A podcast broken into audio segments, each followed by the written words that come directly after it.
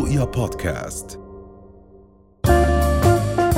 حلقة جديدة من بودكاست دنيا الغذاء. غذائنا مهم لصحتنا وصحة أولادنا. دنيا الغذاء بودكاست من دنيا دنيا.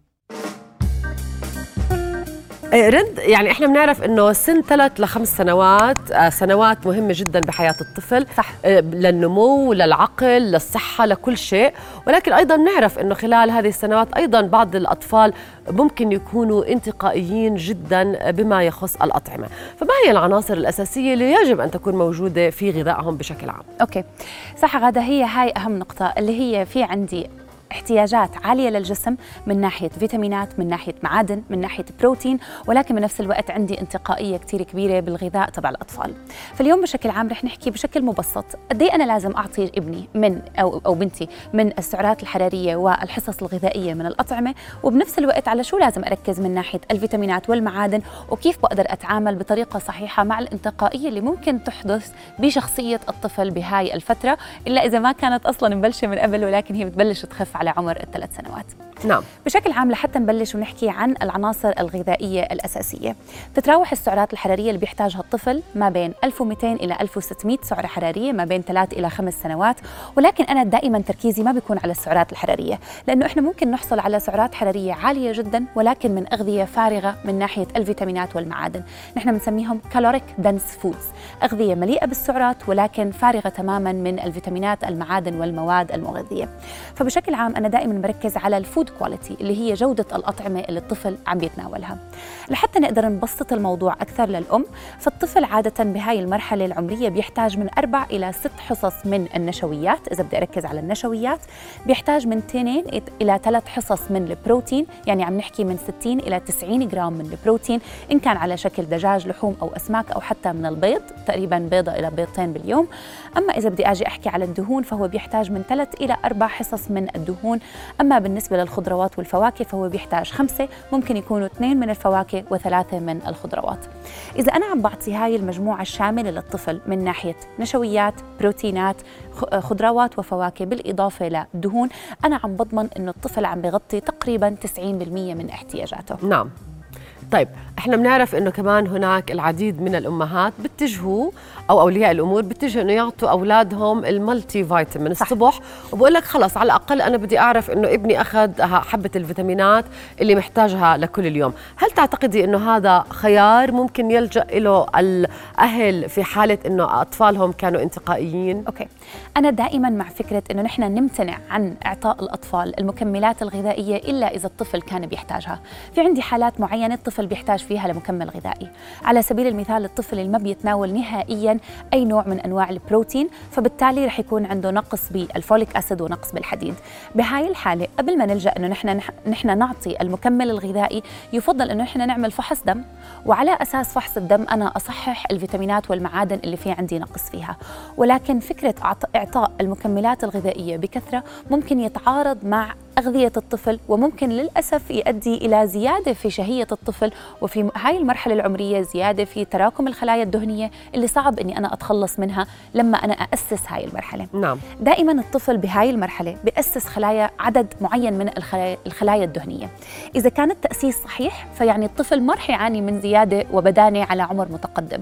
ولكن ياما بنشوف أشخاص بيقول لك والله أنا ابني بيعاني من زيادة بالوزن من هو وصغير شو السبب الرئيسي بيكون؟ طبعا عدا عن العامل الوراثي والجيني وطريقة نمط حياة العائلة بيكون عندي ممكن إعطاء الأطفال المكملات الغذائية بدون احتياجها.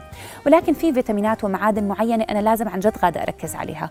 ومن ضمنها أولا فيتامين دي الطفل بيحتاج إلى مكمل غذائي من الفيتامين د. إذا نحن ما عم نعطيه من وقت الولادة فيفضل إنه الأم تروح تعمل فحص دم للطفل وتشوف قديش إذا كان عنده نقص وعلى أساسه تعدل النقص بالإضافة للحديد. الحديد أولا مش متوفر كثير بالأغذية لأنه الأطفال عادة ما بتميل إلى استهلاك اللحوم الحمراء بكثرة أو الكبدة أو اللحوم العضوية اللي بتحتوي على نسب عالية من الحديد. وبنفس الوقت امتصاص الحديد بيكون قليل وارتكاز الأطفال على نسب عالية من الخضروات والفواكه والألياف اللي معظم الأطفال بتفضلها عدا عن اللحوم والدجاج. نعم. بخلي نسب الألياف تعيق امتصاص الحديد. وأخيرا أنه معظم الأطفال ممكن يكون تركيزهم بهاي الفئة العمرية على الحلويات والوجبات الخفيفة السناكس أكثر من وجبة رئيسية. نعم. فاذا عشان نحكي بشكل مبسط إمتى بعطي طفلي مكمل غذائي؟ بعد فحص الدم إذا تبين عندي عندي نقص بأي من الفيتامينات والمعادن بصحح ولكن خلي دائما تركيزنا على الفيتامين دي والحديد إنه ممكن يكون في عندهم نقص نعم رند مناعة الطفل آه، تعد من أولويات الأهل. أكيد يعني وأولويات الإنسان بشكل عام ولكن الطفل لأنه بروح على على المدرسة مع أصحابه دائما ممكن يتعرض أنه يكون في طفل ثاني مريض وهكذا ما هي الأغذية والأطعمة اللي تزيد من مناعة الأطفال؟ أوكي.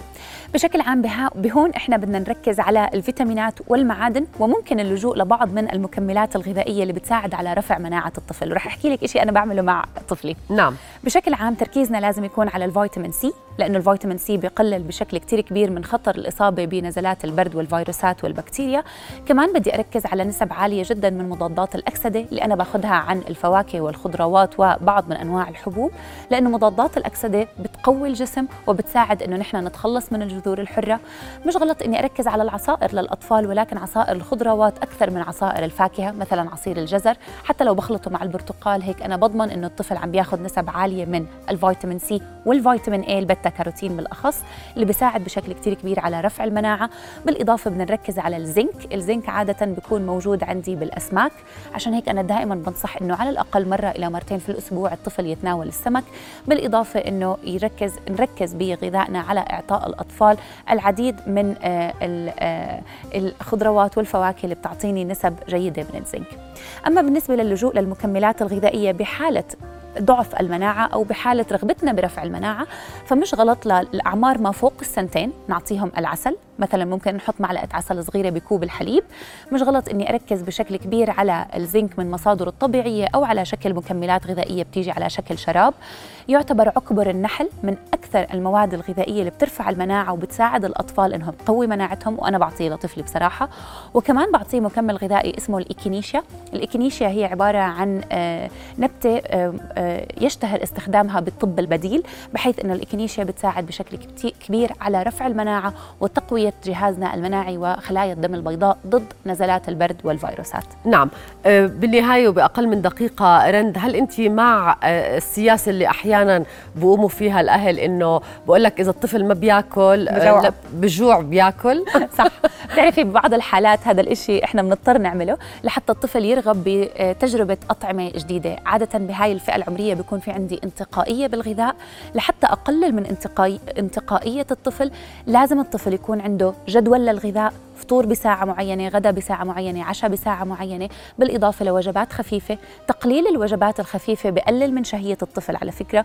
كل ما الطفل عم بياخذ أكل بانتظام كل ما المعدة والجهاز الهضمي بصير يعرف ويصير عنده مؤشر متى رح تكون الوجبة فبالتالي بيجوع الطفل أكثر. شغلة ثانية أساسية من ناحية الانتقائية أنه لازم أقدم لطفلي أغذية جديدة.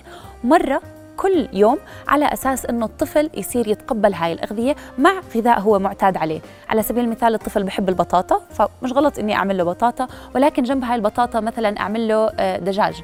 فيصير الطفل يجرب هذا الشيء وممكن يحتاج الطفل لحديث عشر مرات ليتقبل نوع غذاء جديد.